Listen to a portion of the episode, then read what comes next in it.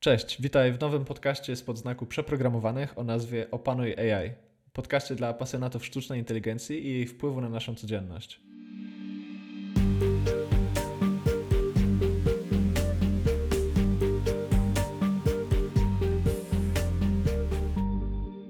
W tym podcaście będziemy starali się łączyć treści stricte techniczne dotyczące wykorzystania AI w Waszych projektach i produktach z treściami na temat rynku nowych technologii, branży sztucznej inteligencji i jej wpływu na nasze otoczenie. Oczywiście nie zabraknie też klasycznego kącika bibliotecznego, gdzie chcemy polecać książki i artykuły, które zmieniają nasze spojrzenie na tę właśnie tematykę. W dzisiejszym odcinku mamy dla Was znakomity kurs Prompt Engineeringu. Rozmawiamy o szansach i zagrożeniach związanych z regulacjami AI przez Unię Europejską, a także polecamy książkę o tym, jak życie przechodzi z formy biologicznej do formy technologicznej. I to, czego chcieliśmy zacząć, to jest kurs. Kurs, który Ty mi, Marcinie, poleciłeś, związany z prompt engineeringiem. E, kurs, dzięki któremu dowiadujemy się, czym właściwie jest prompt engineering. Chciałem, żebyś może przedstawił wszystkim słuchaczom, co to za kurs, gdzie go znalazłeś, bo de facto ty mi go polecałeś i co dzięki niemu możemy zyskać. Tak, kurs nazywa się Chat GPT Prompt Engineering for Developers. E, został on e, opublikowany przez organizację Deep Learning AI, e, której gdzieś tam przewodniczącym, frontmanem jest Andrew Ng, e, no, który pewnie jest kojarzony przez wiele osób. Jest on twórcą platformy Coursera, no i też autorem znanego kursu Machine Learning, który przez wiele lat, jeszcze za czasów, kiedy sztuczna inteligencja nie była tak modna jak teraz, był polecany jako taki świetny wejściowy materiał dla osób, które się tematem interesują. No i teraz gdzieś tam pojawił się kurs skierowany e, do, do ogólnego grona deweloperów, którzy gdzieś tam chcą w swojej pracy wykorzystywać e, Large Language Models, LLM-y, takie jak oczywiście ChatGPT, no czy też gdzieś tam BART, Cloud i inne tego typu historie. E, kurs jest, jest krótki, składa się z 9 lekcji, e, które tam trwają 10-15 minut, co nam daje około półtorej godziny e, samych, samych wykładów. Tam poznajemy naprawdę takie no, kluczowe, podstawowe zagadnienia, tego jak gdzieś tam podchodzić do tego prompt engineeringu, jakie są podstawowe zasady, no i też potem jakie mamy te podstawowe zastosowania. Co jest bardzo fajne w tym kursie, to, to do tych lekcji zaraz obok w sidebarze mamy e, podpięty e, Jupyter Notebook. No, kto, kto gdzieś tam się w Pythonie bawił, ten wie, że to, jest, że to jest świetne gdzieś tam środowisko, żeby właśnie pracować z kodem, więc nie musimy gdzieś tam się martwić kompletnie e, setupem środowiska, no bo od razu wszystko mamy zapewnione i możemy się, możemy się bawić. Bawimy się w Pythonie, ale no to jest tak gdzieś tam wysoki poziom, że kompletnie bym się tym nie przejmował nawet dla osób, które e, nie są jakimiś turbo zaawansowanymi e, programistami. Naprawdę no już podstawowa znajomość programowania powinna wystarczyć w dowolnym języku, żeby w tym kursie sobie e, poradzić. No i można powiedzieć, że ten kurs odhacza wszystkie takie checkboxy naszych oczekiwań związane z dobrymi kursami, bo z jednej strony mamy tą właśnie ciekawą, interaktywną formę, mamy właśnie notebooki, ale z drugiej strony też objętość jest odpowiednia, to znaczy nie ma tutaj żadnego lania wody, można po tych lekcjach poruszać się bardzo płynnie i wybierać tak naprawdę to, co pasuje do, do, nasze, do, do naszego aktualnego poziomu wiedzy. Przyznam szczerze, że na przykład te pierwsze lekcje z tego kursu były czymś, co sprawdziłem raczej pobieżnie, ale na przykład lekcja o sentymentach i o ekstrakcji na przykład powiedzmy emocji, bo akurat tam jest taki przykład z danego fragmentu tekstu, y, była tym, co zrobiło na mnie duże wrażenie i, i faktycznie gdzieś z takim przypadkiem użycia modeli językowych wcześniej nie pracowałem i na te lekcje postanowiłem poświęcić więcej czasu, więc to jest taki sweet spot. My też często o tym rozmawiamy, Marcin, przy tych naszych kursach, że to już nie są te czasy, że wystarczy nagrać jakiś film po prostu go, go włączyć albo udostępnić na jakimś hostingu, tylko, tylko musi być coś więcej I, i właśnie w tym, w tym kursie ten Jupyter Notebook robi robotę, narracja robi robotę i po prostu sama struktura tego kursu też jest, też jest odpowiednia. No i mm, myślę, że takich narzędzi chcielibyśmy tutaj polecać jak najwięcej. Pomysł jest taki, żeby, żeby w każdym albo w prawie każdym odcinku tego naszego podcastu znaleźć dla Was coś takiego, e, z czego możecie skorzystać, takie value under 5 minutes. No i dzisiaj to jest ten kurs. Marcin, która lekcja e, dla Ciebie była najbardziej przydatna, albo czy, czy u Ciebie mm, poszerzyły się te horyzonty, jeśli chodzi o prompt engineering w tym kontekście? Wiesz co, dla mnie to może nie było szczególnie odkrywcze, ale wydaje mi się, że dla wielu osób może być. To jest, to jest gdzieś tam chyba druga, trzecia lekcja, gdzie się mówi o tym iteracyjnym podejściu do, do, tych, do, do pracy z tymi LLM-ami. To mi się wydaje, że to jest, wiele osób, że to jest coś, co dla wielu osób jeszcze jest niezrozumiałe. E, Tutaj jakby e, no jest, jest wytłumaczone, że, że ten pierwszy wynik nigdy nie jest tym wynikiem, który my chcemy gdzieś tam wykorzystać i raczej musimy za pomocą e, zarówno prób i błędów, jak i jakichś konkretnych technik wyciągać z tego modelu e, to, co tak naprawdę od niego oczekujemy. I, i tak jak pierwszy wynik może być nies- nieszczególnie imponujący, to jak już czwarty, piąty, kiedy, kiedy doprecyzujemy nasze potrzeby, kiedy gdzieś tam jeszcze skorzystamy z tej refleksji, żeby model sam zweryfikował, czy nie popełnił jakichś błędów, y, to, to nagle się okazuje, że z tej y, jakości y, 3 na 10 nagle nam się robi 7, 8 na 10 i, i to wydaje mi się, że jest bardzo ważne i, i to też często widzę gdzieś tam w internecie, że ludzie po prostu tego jeszcze nie wiedzą, y, więc no ale całość kursu naprawdę, naprawdę fajna, tak więc po prostu polecamy, link będzie w opisie. Krótki kurs, konkretny kurs, idealny na weekend, żeby, żeby wejść w temat. Dokładnie. No i dzisiaj chcielibyśmy też przejść przez y, rynek i branżę AI. Poza tymi narzędziami, które będziemy tutaj udostępniać, chcemy Wam poopowiadać o najważniejszych wiadomościach y, ze świata sztucznej inteligencji, ze świata uczenia maszynowego deep learningu. Naprawdę sporo się działo. Mieliśmy chociażby sama Altmana y, i jego pielgrzymki po najważniejszych krajach, y, na przykład Europy. Sam odwiedzał Warszawę, gdzie uczestniczył w panelu na temat sztucznej inteligencji z dwoma współpracownikami, którzy przy okazji pochodzą z Polski. Mm, Sporo się dzieje, Marcin. Który temat związany właśnie z rozwojem tej branży AI jest dla Ciebie takim najbardziej interesującym? Czy może masz jakieś takie tematy, którymi się szczególnie niepokoisz albo które Cię ekscytują? Od czego moglibyśmy dzisiaj zacząć? Myślę, że tematów ekscytujących jest wiele, ale tak naprawdę jest ten, jest ten temat gdzieś tam, który zarówno budzi ekscytację, ale też dużo, dużo obaw, zwłaszcza jeżeli e, mieszkamy w, w Unii Europejskiej.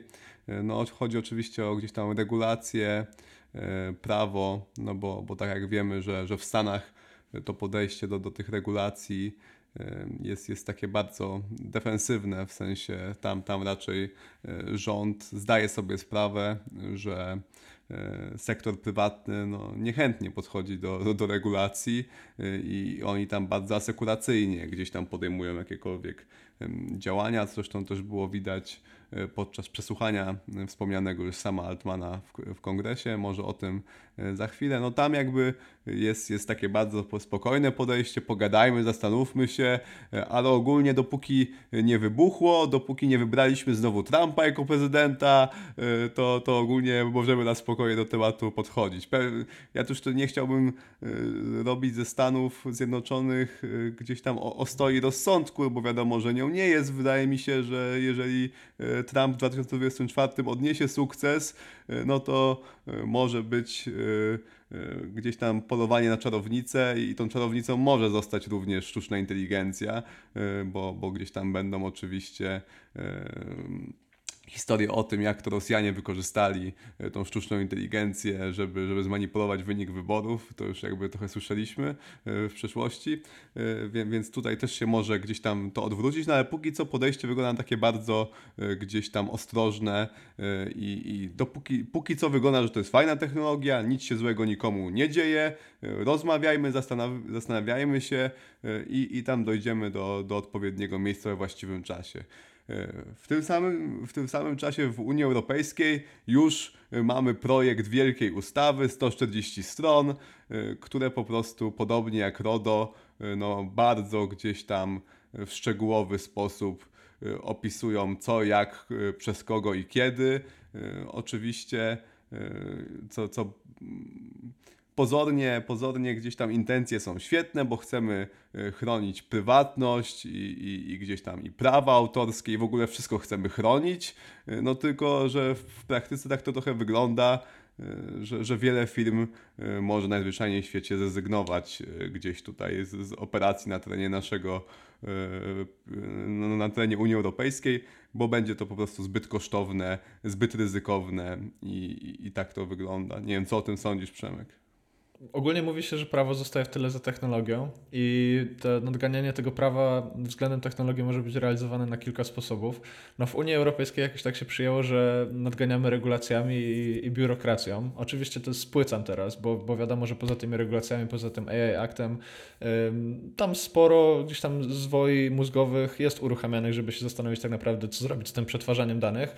Ym, no ale widać, że jest jakaś taka panika wśród osób, które mają ten rynek uregulować. Panika związana z tym, że po prostu sama technologia rozwija się bardzo szybko i nie ma tak naprawdę wzorców z historii, które pokazywałyby rozwój czegoś albo jakiegoś narzędzia, które, które w tak mm, wykładniczym tempie po prostu rośnie. Nie tylko pod kątem powiedzmy zasięgów, pod kątem e, dostępności, ale pod kątem samych możliwości. No i, i, może, może panika to nie jest do końca dobre słowo, ale na pewno jest spore poruszenie i teraz mm, będą wykorzystywane różne sposoby na to, żeby, żeby jakoś sobie z tym poradzić, jakoś to wsadzić w, w, w ramy mm, prawnych regulacji. Mm, no i tak, no my akurat jesteśmy po tej stronie oceanu, y, która nazywa się Unią Europejską, jakby nie, nie, nie spędzamy czasu w Dolinie Krzemowej. No i ja sam mam, mam trochę obaw, bo zresztą tak jak powiedział nasz gość Leszek Bukowski, z którym też rozmawiamy w naszym podcaście, nie widzę za bardzo tego, co Unia Europejska oferuje jakby w zamian za te wszystkie regulacje. To znaczy na razie, na razie ten ten message, ta wiadomość, która idzie, jest taka, że na przykład ograniczymy na podstawie lokalizacji to, gdzie trenowane są modele, ograniczymy hardware, na którym te modele są trenowane, ograniczymy zakres danych, na których y, te modele są trenowane. I to wszystko ma jakiś sens, można byłoby to pewnie wytłumaczyć, użyć jakichś sensownych argumentów właśnie związanych z ochroną danych, ale pytanie jest, co dalej? To znaczy, jeśli stracimy dostęp do modeli, które na przykład rozwijane są przez Big Techy w Dolinie Krzemowej, bo XYZ, to teraz powiedzmy, jak ta sytuacja będzie wyglądać w Europie, czy musimy czekać na jakieś modele, które są tworzone, nie wiem, w Niemczech, we Francji, w Polsce, no brzmi to, brzmi to tak naprawdę absurdalnie, bo jakby ta technologia przyzwyczaiła nas do tego, że przekraczamy te granice państw i zaczynamy myśleć bardziej globalnie o tych możliwościach właśnie y, związanych z softwarem.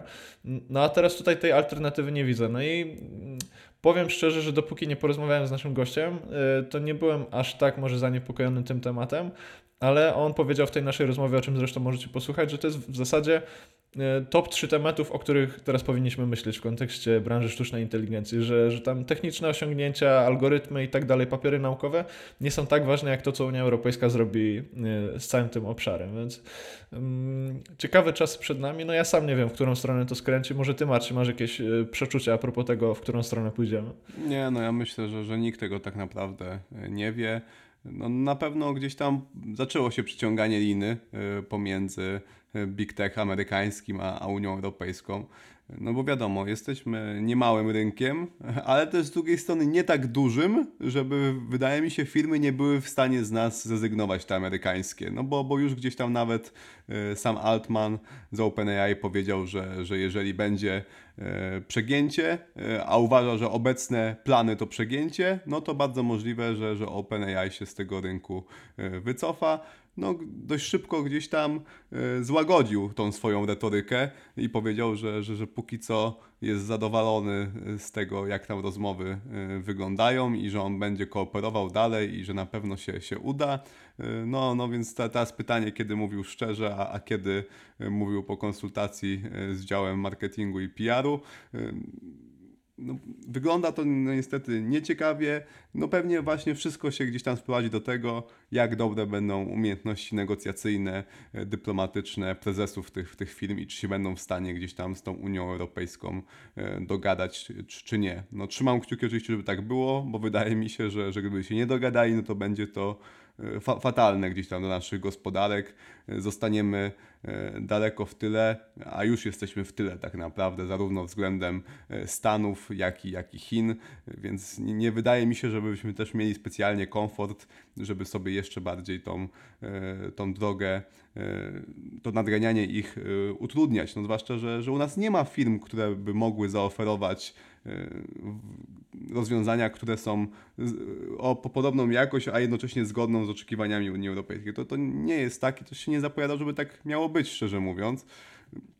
No tak samo niestety gdzieś tam uczy nas to RODO, nie? Że, że wszystko fajnie, bardzo dużo regulacji zostało wprowadzonych, które również mają e, bardzo gdzieś tam światłe e, motywacje, ale w praktyce to głównie mamy dużo ban- cookie banerów, y, plus ja znam osobiście kilka osób, które nie założyło pewnie fajnych newsletterów, o, o których myślało, bo się bało, że muszą gdzieś tam podawać adres swojej firmy i, i w ogóle gdzieś tam pisać polityki prywatności i tak dalej, i tak dalej. A coś mi się wydaje, że, że ci skamerzy, z którymi mieliśmy walczyć, nadal i tak robią to, co robili przed 2016 y, i, i, i gdzieś tam no, jakby ilość y, spamu i skamu w internecie wcale nie spadła, nie? Więc, więc tak głównie to raczej ograniczyliśmy ilość tej, tej fajnej, pozytywnej działalności, bo ludzie się tych regulacji boją i bardzo podobnie niestety może być y, z, ze sztuczną inteligencją, y, tak jak nielegalne boty y, będą, będą gdzieś tam latały i siały zamęt, a, a ludzie, którzy chcą tworzyć fajne rozwiązania, które by mogły pomóc ludzkości, mogą tego nie zrobić, bo się przestraszą na przykład, nie? No więc...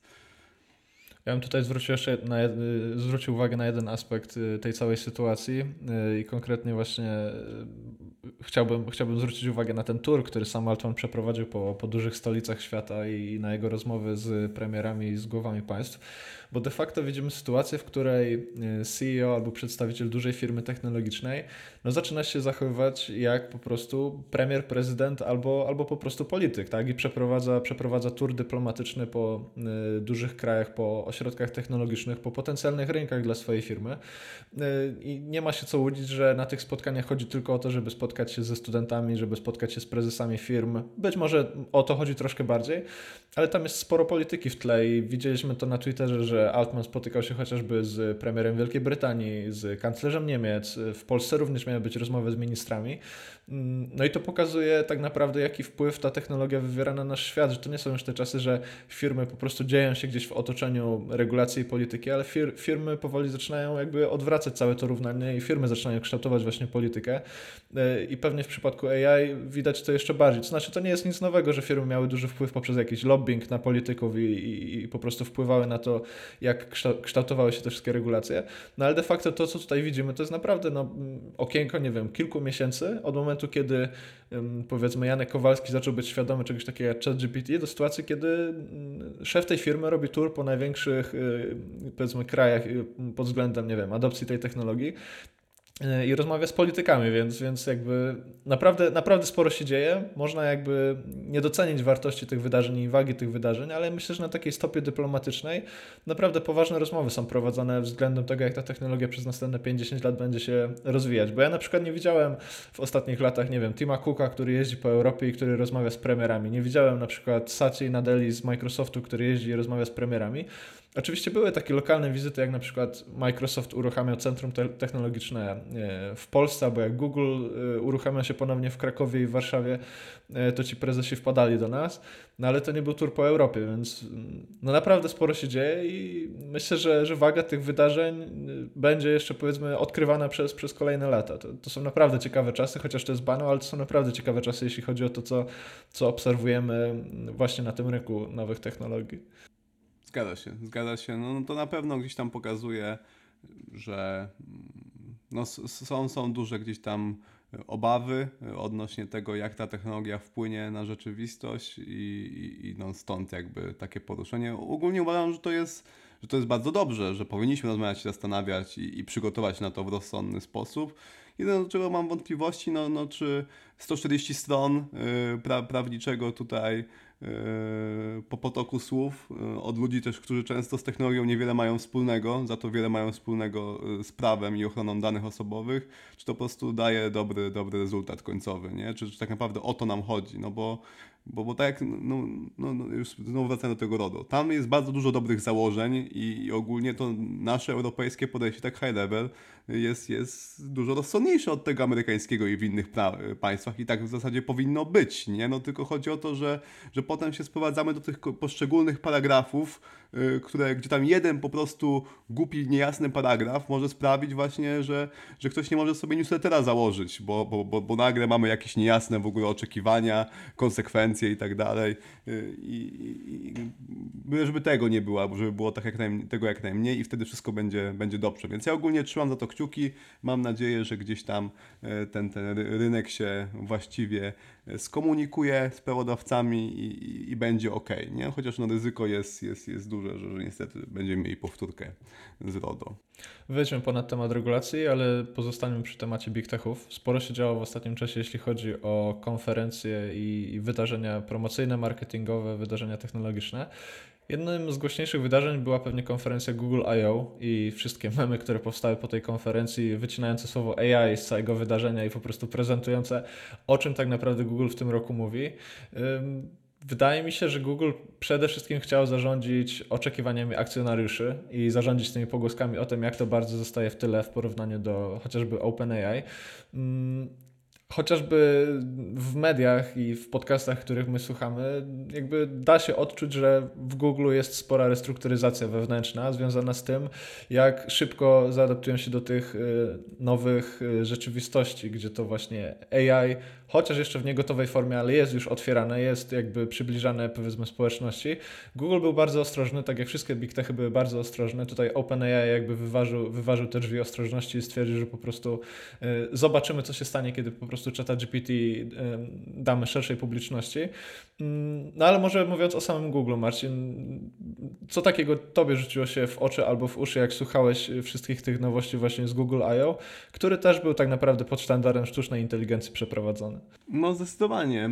Na pewno, na pewno fajnie było zobaczyć jakiś tam e, comeback Google'a, e, no bo, bo te wcześniejsze kilka miesięcy od, od stycznia e, do maja nie były za ciekawe, raczej to, to była cisza, gdzieś tam przeplatana porażkami tak naprawdę, więc, więc tutaj gdzieś tam był, był comeback i, i, i wyszło to naprawdę nieźle myślę. No na pewno gdzieś tam ta nowa wersja Barda oparta o model Palm 2 e, zebrała dużo gdzieś tam lepsze e, recenzje niż, niż, niż ta pierwsza wersja, E, więc to na pewno jest, jest fajne. Ja ogólnie jestem e, zwolennikiem konkurencji. Uważam, że, że powinno być jak najwięcej konkurencyjnych e, rozwiązań na rynku, e, bo to fajnie wpływa e, na nas jako na użytkowników, co zresztą e, było widać właśnie jako następstwa tej, konferen- e, tej, tej konferencji Google I.O., bo, bo tak jak ona sama w sobie e, była, była ciekawa, e, no mówię, był BAT, był, były też rozwiązania jakieś związane z generowaniem obrazów, z tego co wiem we współpracy z Adobe, oni gdzieś tam mają ten, ten swój model Firefly, który też zresztą się pojawił w najnowszej wersji Photoshopa, który też robi niesamowite wrażenie. Będę, jak będę miał więcej czasu, to na pewno się, się przyjrzę, no ale wygląda na to, że Photoshop może powrócić gdzieś tam do, do gry, bo, bo, bo on też gdzieś tam był na uboczu, na uboczu przez ostatnie kilka lat za sprawą Figmy, a, a teraz się może okazać, że, że znowu wrócimy do tego, do tego software'u. No więc, więc jest tam na pewno e, kilka fajnych rozwiązań. Też jest ten projekt Tailwind, który wygląda mega ciekawie, e, pozwalający na wrzucanie e, dokumentów do, do Drive'a i odpytywaniu ich i gdzieś tam uzyskiwaniu podsumowań i tak dalej. Więc, więc to będzie, no jeżeli to będzie działało, to, to, to brzmi to świetnie, nie? Więc, więc naprawdę, naprawdę widać, że widać, że działają. I no ale mimo wszystko najbardziej mi się w tym, w tym całym Google I.O. tak naprawdę podobało nie Google, tylko, tylko odpowiedź OpenAI i, i Microsoftu, y, które gdzieś tam zareagowało y, bardzo, bardzo szybko. Możesz też o tym opowiedzieć, Przemek. Widać, widać, że konkurencja wpływa na to, mm, jak te produkty wyglądają, te produkty, z których korzystamy. No wydaje mi się, że w świadomości społeczeństwa mamy takie dwa, trzy najbardziej popularne produkty, które są właśnie oparte na modelach sztucznej inteligencji i one w jakiś sposób ze sobą rywalizują, to znaczy te firmy, które za nimi stoją, ze sobą rywalizują. I rywalizują na poziomie tego, co jest dostępne, jak bardzo zaawansowane możliwości są udostępnione dla użytkownika końcowego, a co udostępnione nie jest. W przypadku Barda na dzisiaj w Polsce, na 31 maja, kiedy nagrywamy ten podcast, jak sobie wrzucę do przeglądarki adres, pod którym jest Bard, to w Polsce dalej go nie ma. Natomiast ChatGPT no, tak naprawdę rozpycha się na tym naszym rynku. Dosłownie dzisiaj rano mieliśmy e, release wersji e, aplikacji ChatGPT na iOS-a, który w końcu jest dostępny w Polsce. Mm, Więc chociażby na tym poziomie, na poziomie dostępności mamy, mamy konkurencję, mamy konkurowanie ze sobą, ale chyba takim najbardziej odczuwalnym, powiedzmy, może nie ciosem, ale najbardziej odczuwalną zmianą, która się wydarzyła po tej konferencji, było to, że e, pluginy pojawiły się bardzo szybko mm, dla subskrybentów czata GPT. E, pluginy czy też pluginy były czymś takim, co pojawiało się na Twitterze, było udostępnione w wersji alfa, beta, był taki canary rollout, to znaczy jeśli miałeś odpowiednie kontakty też w firmie OpenAI, to mogłeś te pluginy dostać wcześniej, bo widać, że wielu naukowców również eksperymentowało z tym narzędziem. Natomiast no, dosłownie kilka dni po tej konferencji poszła informacja, że w przyszłym tygodniu, dosłownie po weekendzie, te pluginy będą trafiać do wszystkich subskrybentów. No i trudno się oprzeć wrażeniu, że tylko Google I.O. było głównym powodem tego, dlaczego to się stało. Tak naprawdę, no jakby te klocki układają się w ten sposób, że, że, że trudno się tutaj nie zgodzić z, z tym, co wpłynęło na co, jakby, jaki był taki główny driver udostępnienia tych pluginów. No i znowu, przeszliśmy na kolejny poziom. Teraz pytanie, jak odpowie Google. No i też chyba ty możesz sporo powiedzieć o tym, co Microsoft robi w kontekście Binga, tak? Bo zacząłeś eksperymentować chociażby z Edge'em. Yy, I tutaj też mamy te zmiany. Microsoft też ogłosił, że chociażby Windows 11 będzie teraz napędzany copilotem AI.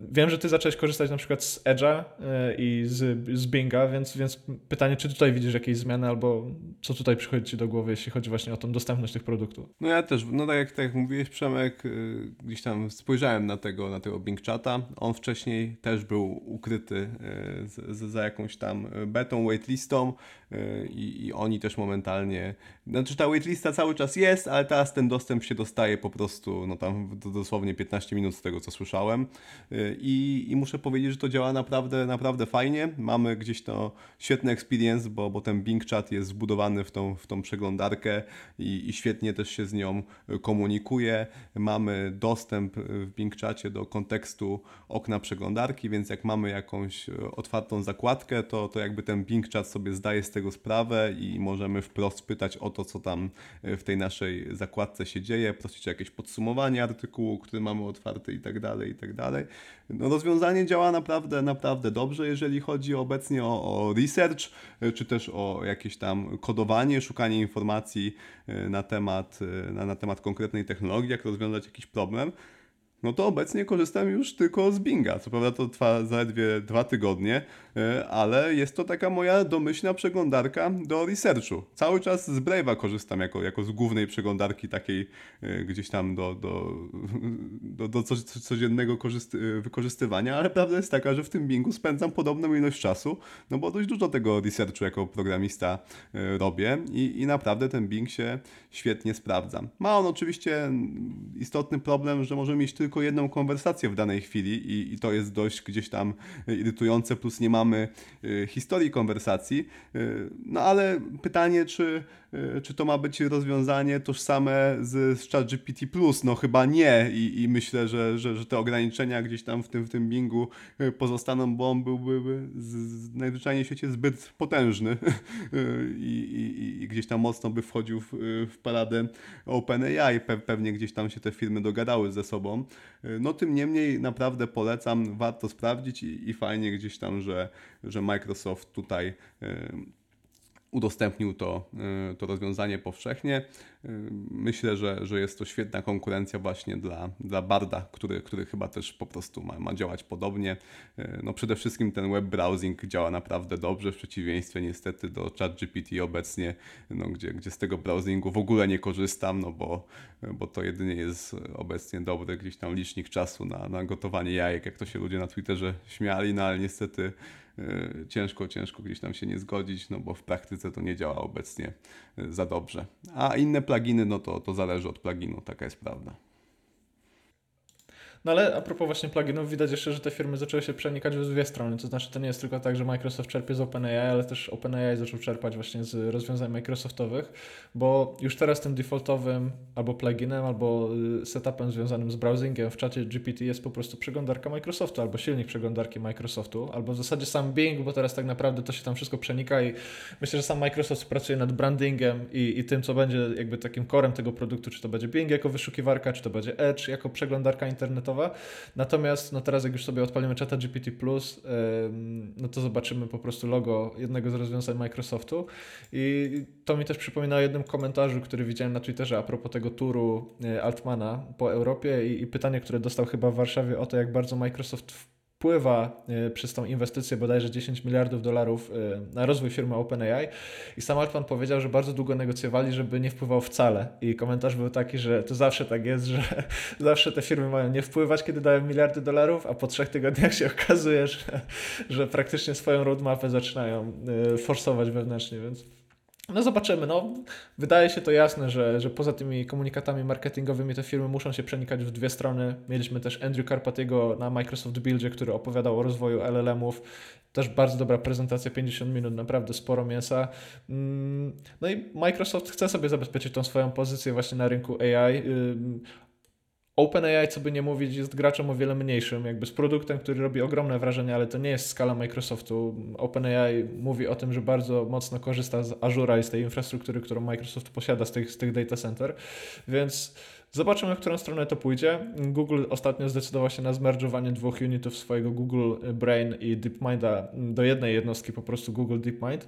Zastanawiam się, czy zaraz nie będziemy mieć na rynku Microsoft OpenAI. Nie wiem, czy, czy do tego dojdzie, czy tutaj ekipa OpenAI będzie się jakby bronić rękami, nogami przed takim mergem, ale wydaje mi się, że jest to na stole i w trakcie tego deala to mogło być negocjowane. No, na, na pewno też mi się wydaje, że będą się bronili e, rękami, nogami, no ale, ale kto, kto wie, kto wie, czy do tego nie dojdzie. E, no na pewno widać, że, że Microsoft mocno stawia gdzieś tam na to AI, ale prawda jest taka, że, to e, też często wiąże się z tym, że oni mają mniej do stracenia niż, niż Google, no bo gdzieś tam ja nigdy z wyszukiwarki Bing nie korzystałem, nadal z niej nie korzystam, no tylko korzystam właśnie z tego, z tego Bing Chatu, który całkowicie gdzieś tam pomija tego Bing Searcha tak naprawdę yy, i robi to bardzo dobrze.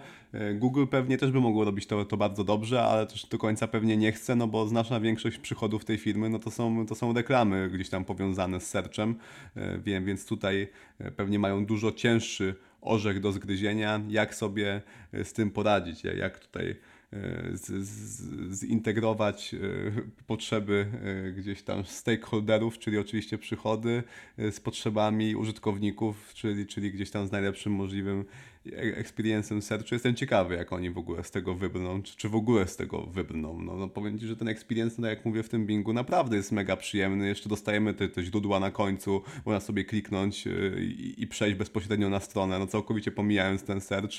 No, no, no, no jestem ciekawy, jak to będzie wyglądało. Może powiedzmy jeszcze w trzech zdaniach, o co chodzi z tym konfliktem pomiędzy mm, modelami biznesowymi i z Googlem i z reklamami, o czym wspomniałaś. Y, do tej pory Google opierał się bardzo mocno na przychodach z reklam, a reklamy pojawiały się w wyszukiwarce mm, jako pochodna fraz, które użytkownik wyszukuje. I celem Google'a od jakiegoś czasu nie było to, żeby przedstawić użytkownikom jak najbardziej precyzyjne rezultaty. To znaczy, te rezultaty się pojawiały na liście wyników, ale były też wzbogacane reklamami. Ogólnie jakby suma tych wyników, które użytkownik dostawał, to było troszkę reklam, troszkę wyników podobnych, bo jeszcze firmy mogły się wypromować poprzez słowa kluczowe i, i kilka tych wyników, które Google ma w sobie zaindeksowanych. Tymczasem, kiedy do gry wchodzą modele językowe i takie narzędzia jak ChatGPT, no to społeczność mówi, że największą wartością tych narzędzi jest to, że ja dostaję natychmiast te informacje, o które mi chodzi, że modele językowe są w, stanie, są w, są w stanie wyekstrahować te najważniejsze informacje z jakiegoś datasetu i niekoniecznie zależy mi na tym, żeby obok wyników pojawiały się reklamy albo pojawiały się jakieś, powiedzmy, pochodne tych informacji. Mówimy nawet o halucynacjach, czyli o błędnych informacjach, z którymi tak naprawdę cała ta branża walczy, co jest Y, jakby wprost nazwane efektem niepożądanym. To znaczy nie chcemy, żeby te modele Y, proponowały nam jakieś wyniki, powiedzmy, lekko odbiegające od tego, czego wyszukujemy. To się dzieje, zaczynamy z tym walczyć, pojawiają się papiery naukowe, ale ogólnie chodzi o precyzję. No więc Google stoi teraz przed mocnym dylematem tego, co zrobić ze swoim korowym modelem biznesowym. O ile pamiętam, około 80% przychodów Google to są reklamy. Mogę się tutaj mylić, może ktoś to zweryfikować i dać znać y, w komentarzach pod naszymi filmami, ale bodajże 80 albo nawet 85% revenue Google to są reklamy.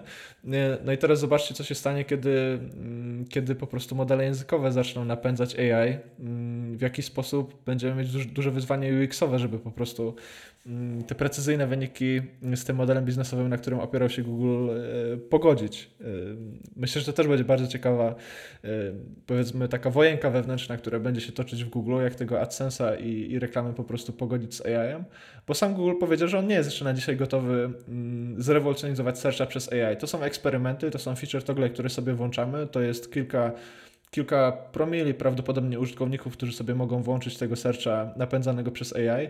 No i tam będzie jeszcze sporo iteracji, żeby te dwa światy po prostu pogodzić, więc sporo się dzieje i znowu będziemy to wszystko obserwować. Pod kątem rozwoju produktów myślę, że to jest niesamowita, niesamowita lekcja.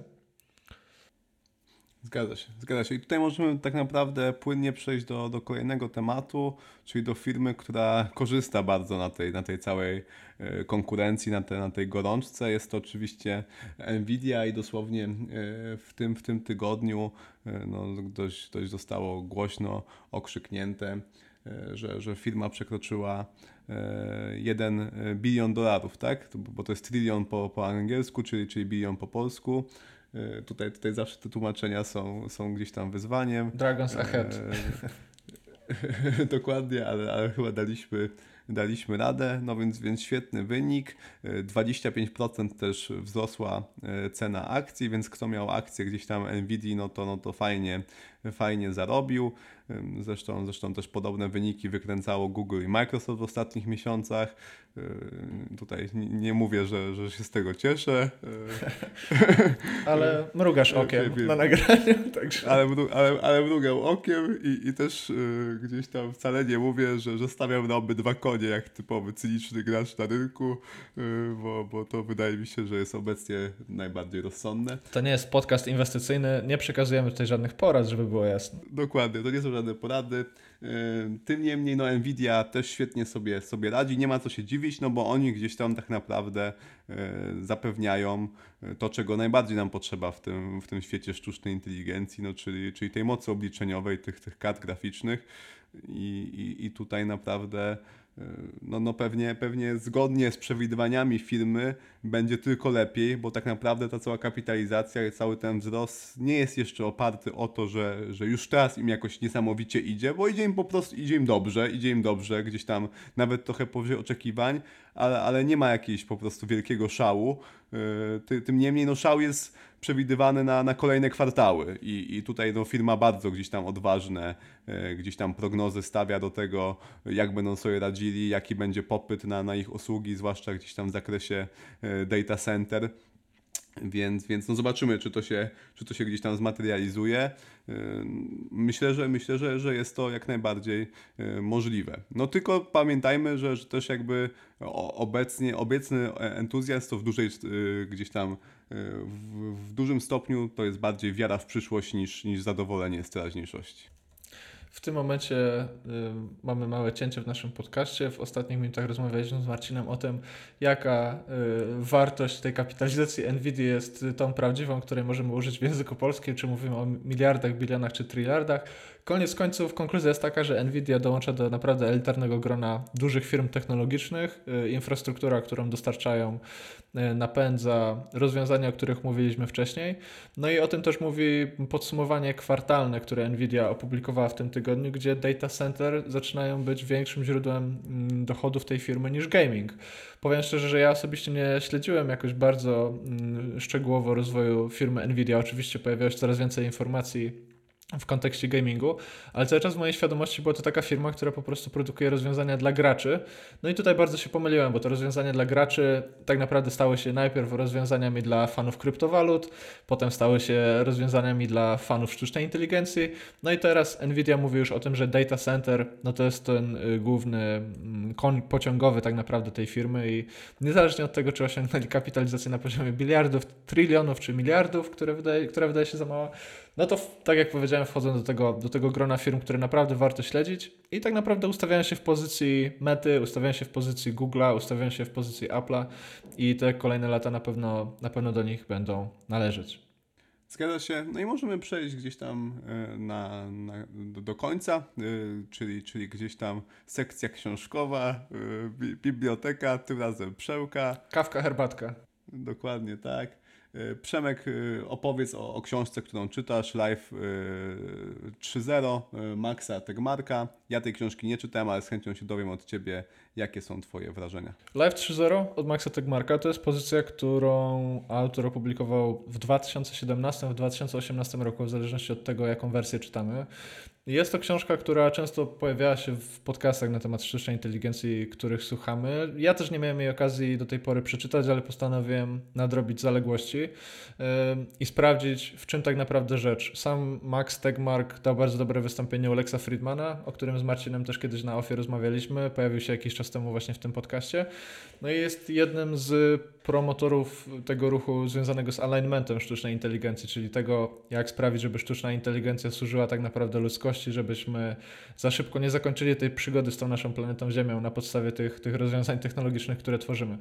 No ale przechodząc do samej książki, Książka tak naprawdę jest y, analizą tych ostatnich lat albo dekad rozwoju całej tej branży sztucznej inteligencji i próbuje też y, pokazywać możliwe kierunki rozwoju w kontekście ludzkości tej technologii. Y, jakby tym głównym motywem przewodnim jest życie samo w sobie i, i, i taka próba odklejenia życia od komórek biologicznych albo od takiej formy biologicznej, do jakiej jesteśmy przygotowani. E, i przyzwyczajeni. I tutaj właśnie Tegmark mówi o tym, że mm, jest sporo na świecie takich powiedzmy bytów albo, albo punktów, które możemy obserwować, które nie są związane z żadną konkretną materią, ale możemy obserwować i badać ich cechy. I na przykład takim przykładem są fale. Niezależnie od tego, czy mamy fale na oceanie, fale dźwiękowe albo różnego innego rodzaju fale, to te fale mają częstotliwość, mają e, jakieś wierzchołki fal, mają e, tempo rozchodzenia się.